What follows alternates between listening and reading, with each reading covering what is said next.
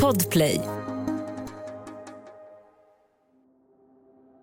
Käre Christer.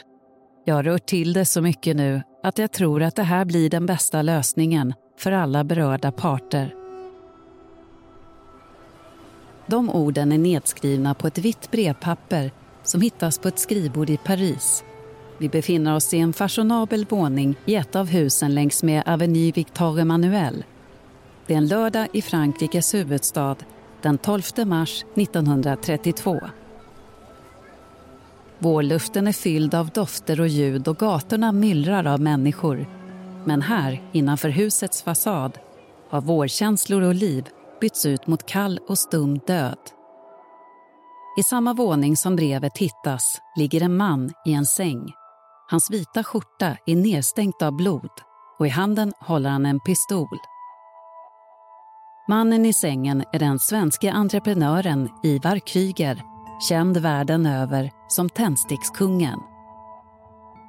Nyheten om Krygers död ska komma att slå ner som en bomb och dra igång en förödande ekonomisk dominoeffekt som drabbar miljontals människor världen över. Men vem var han egentligen, den här ständigt framåtsträvande superentreprenören? Hur kom han att bli en av de mäktigaste männen inom finans och industrivärlden? Och begick han verkligen självmord? Eller försökte någon sätta stopp för honom och lyckades?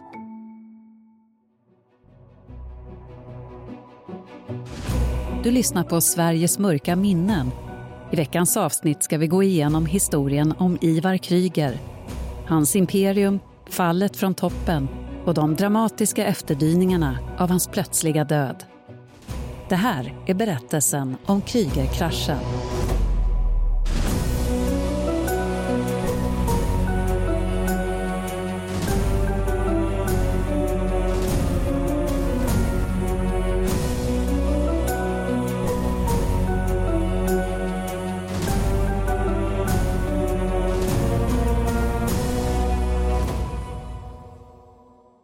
Året är 1931.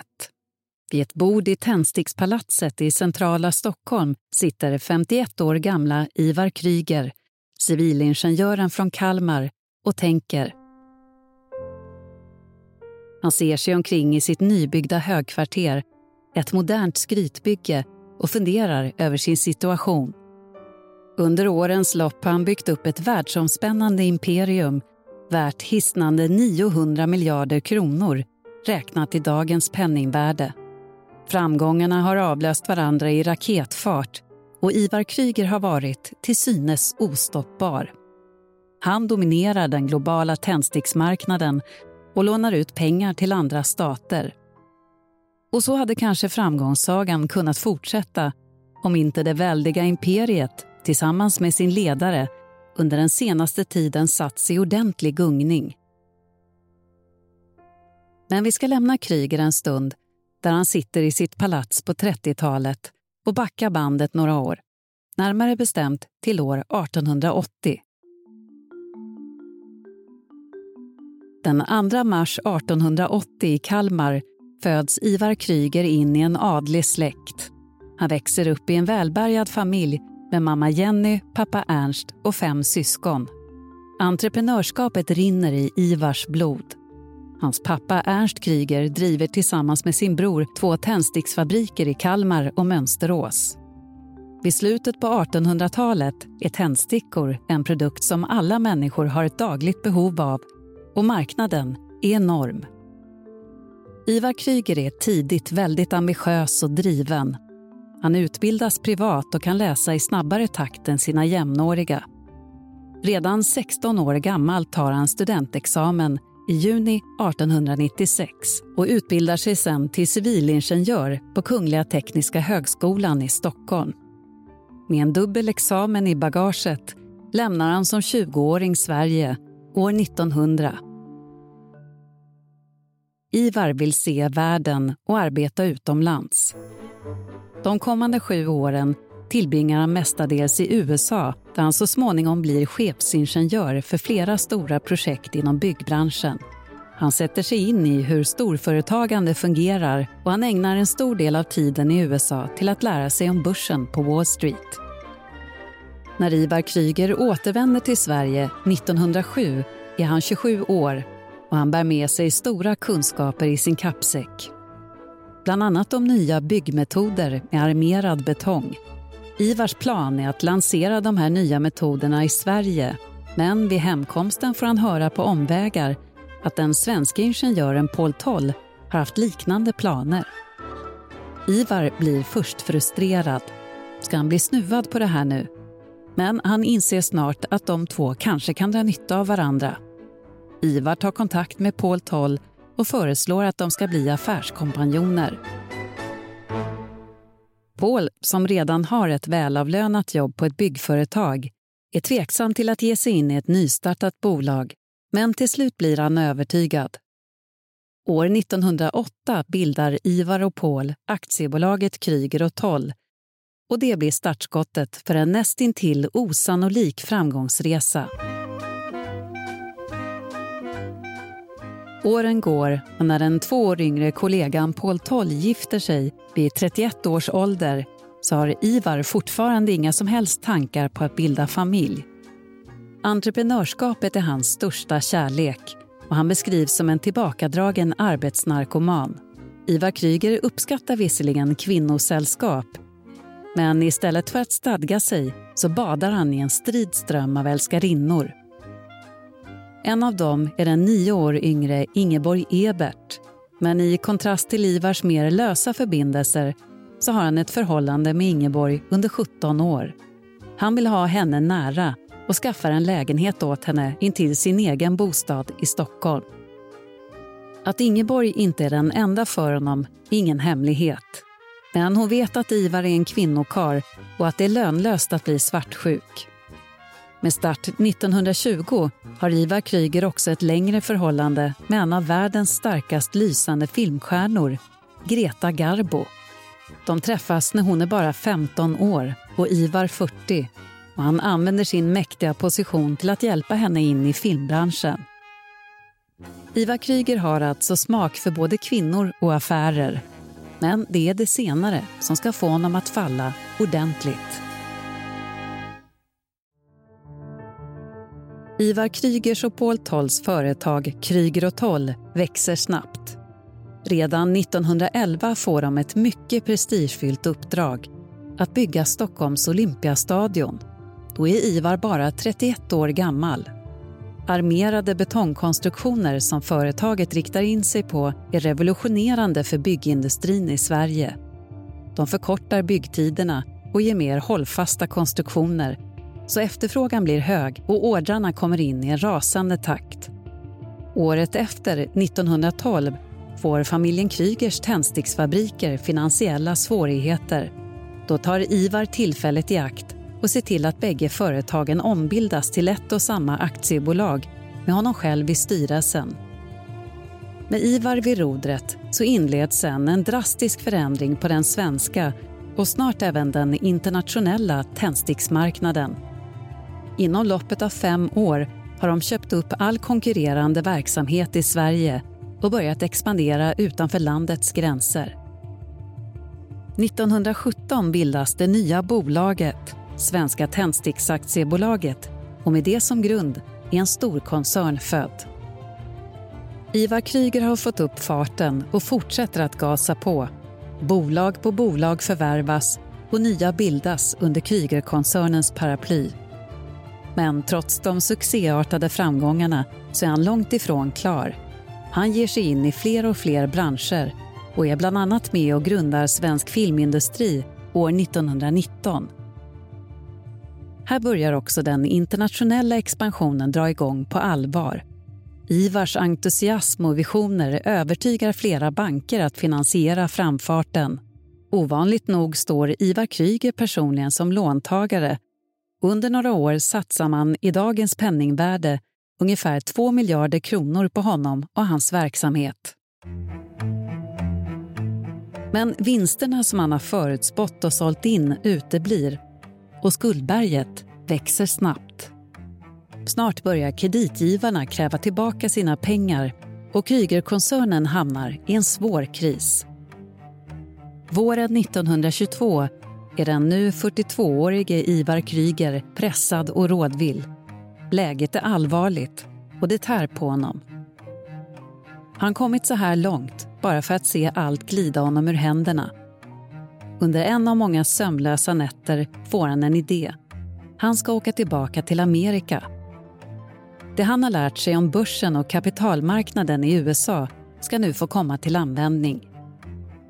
En solig vårdag kliver Ivar ombord på en båt för att söka lyckan i USA. Hela resan är han nervös, men han känner ändå en stark framtidstro. Han ska satsa allt för att rädda det han har byggt upp och han ska lyckas. Efter två veckor till havs anländer han till New York. Väl framme lyckas han boka möte med två delägare till en av USAs ledande investmentbanker, Lee Higginson Company. Mötet blir lyckat, precis som Ivar har hoppats.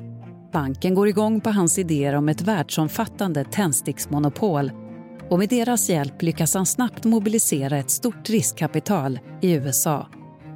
Det, tillsammans med en emission av Svenska Tändsticksaktiebolaget på börsen i London, blir räddningen.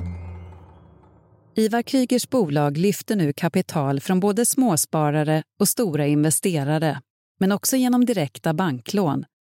Pengar som i sin tur lånas ut till europeiska länder med kapitalbehov i utbyte mot tändsticksmonopol på deras marknader.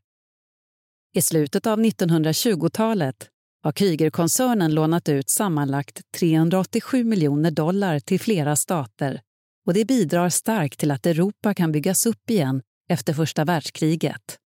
1929 ges ett för den tiden gigantiskt lån till Tyskland på hela 125 miljoner dollar. Lånet ger Ivar Kryger stor publicitet och han ses i mångt och mycket som en hjälte. När Krügerkoncernen är som störst så är 75 procent av världens tändsticksproduktion deras och de har monopol på marknaden i 25 länder. Utåt sett är allt frid och fröjd och det är så Ivar Kryger vill ha det. För honom är det viktigt att koncernen behåller offentlighetens förtroende. Men i själva verket så finns det skavanker i siffrorna och resultaten och Ivar jobbar hårt för att dölja dem. Han låter inte någon annan ha den kontroll och insyn i koncernens ekonomi som han har. Ivar anser att det är nödvändigt för att kunna fortsätta ta in kapital och expandera. Och även om siffrorna svajar så njuter Ivar Kryger. Han är stormrik och lyckad. Runt om i världen äger han lyxiga bostäder. Han umgås med Hollywoodstjärnor och blir inbjuden till Vita huset i Washington. Tändsticksimperiet växer konstant. Ivar befinner sig på den absoluta toppen av sin karriär och han planerar att klättra ännu högre. Men han kommer snart att bli varse att ju högre du klättrar, desto hårdare blir fallet.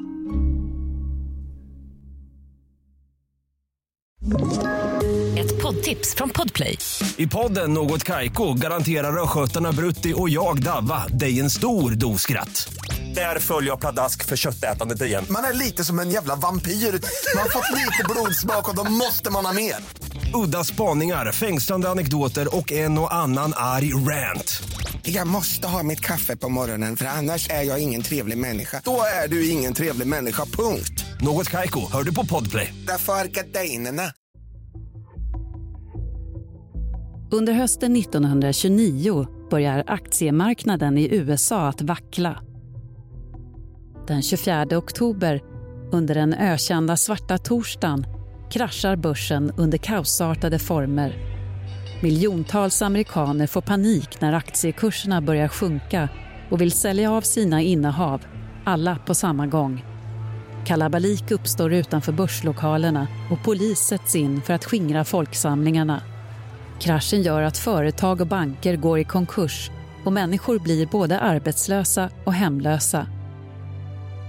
Effekterna blir katastrofala i USA och Europa och så även för Krügerkoncernen. Deras roll som världsbank har gjort dem sårbara och det blir nu smärtsamt tydligt. Det stora lånet till Tyskland är tänkt att finansieras genom att ta in mer kapital på den amerikanska marknaden men börskraschen har satt käppar i hjulet. Investeringsviljan har störtdykt och pengarna har slutat flöda in. Den 49-årige Ivar Kryger fortsätter att ge en annan, mycket mer positiv bild av den ekonomiska situationen. Därför ser det först ut som att Krygerkoncernen har klarat sig helskinnad genom kraschen. Men verkligheten är en annan. Det Ivar håller på med är konstgjord andning och snart går det inte längre. Den 12 december 1931 reser Ivar Kryger återigen till New York. Det är ett sista försök att få in mer pengar och rädda hans bolag. De senaste åren har varit påfrestande för honom och inget han gör verkar fungera. I USA har han vänt på skutan förut och han hoppas att det ska bli så igen. Men den här gången möts han av stängda dörrar. Banker vill inte låna honom pengar och ingen vill investera. Slutet är nära och Ivar känner på sig det. I februari 1932 är krisen total. Värdepappren har förlorat 90 procent av sitt värde och fordringsägarna bultar på Ivar Krygers dörr. Han bestämmer sig för att dra i sin sista livlina. I desperation vänder han sig till Sveriges riksbank för att få hjälp med att betala av stora krediter. Riksbanken går till slut med på att hjälpa honom men ställer ett motkrav. De anar att saker och ting inte står rätt till och vill få total insyn i bokföringen. Riksbanken kallar Ivar Kryger och koncernens ledning till ett möte i Berlin där de ska gå till botten med allt. Men mötet blir aldrig av.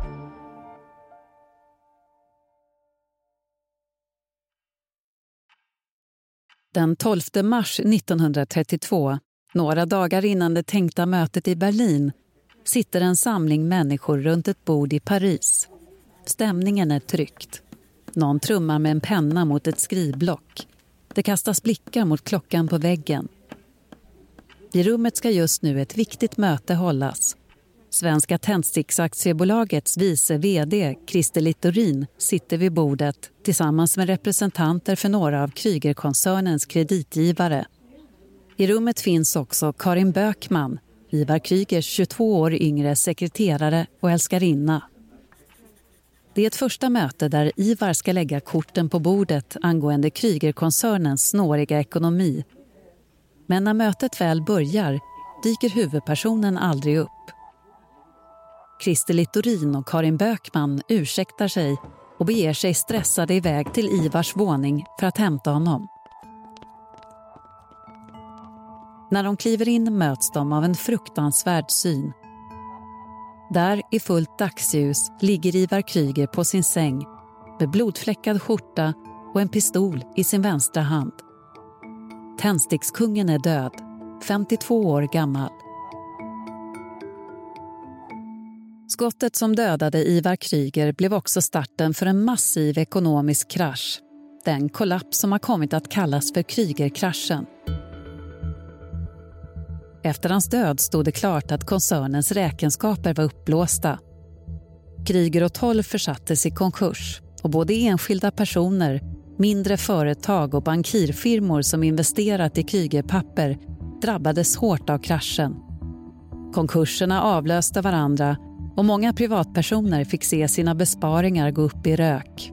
Ivar Kryger gick från hjälte till skurk.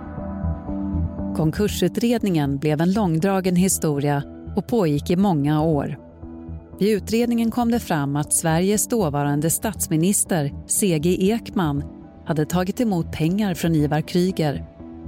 Ekman ska personligen ha tagit emot två checkar på vardera 50 000 kronor som påstods vara bidrag till valrörelsen. Statsministern erkände bara en av checkarna men bevisningen var stark och uppfattningen var att han hade skott sig på sin relation till Ivar Kryger.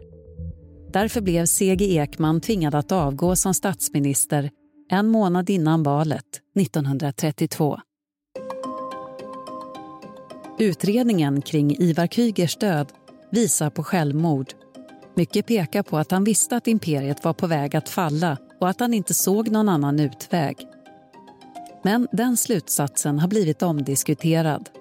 Många hävdar att det i själva verket handlade om ett mord. Vem som ska ha mördat Ivar Kryger Och varför har det cirkulerat många teorier om. I sin mäktiga position hade han en hel del fiender. Kanske ville någon av dem knäcka Krygerkoncernen. koncernen men även om dödsorsaken har blivit omstridd så har ingen utredning lyckats bevisa att det rörde sig om just mord.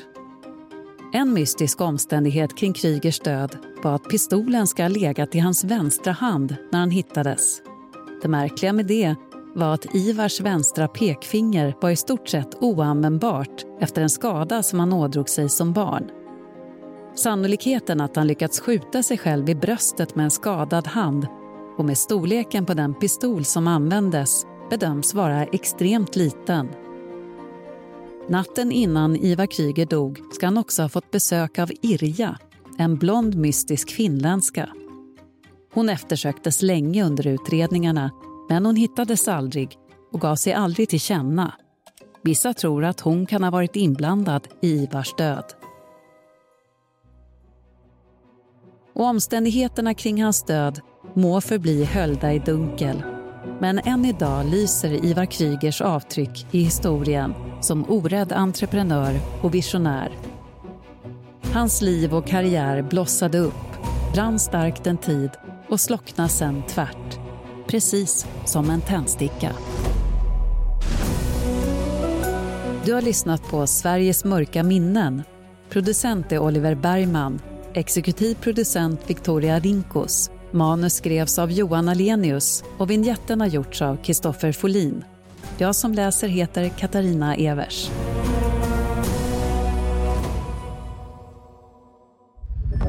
Podplay, en del av Power Media.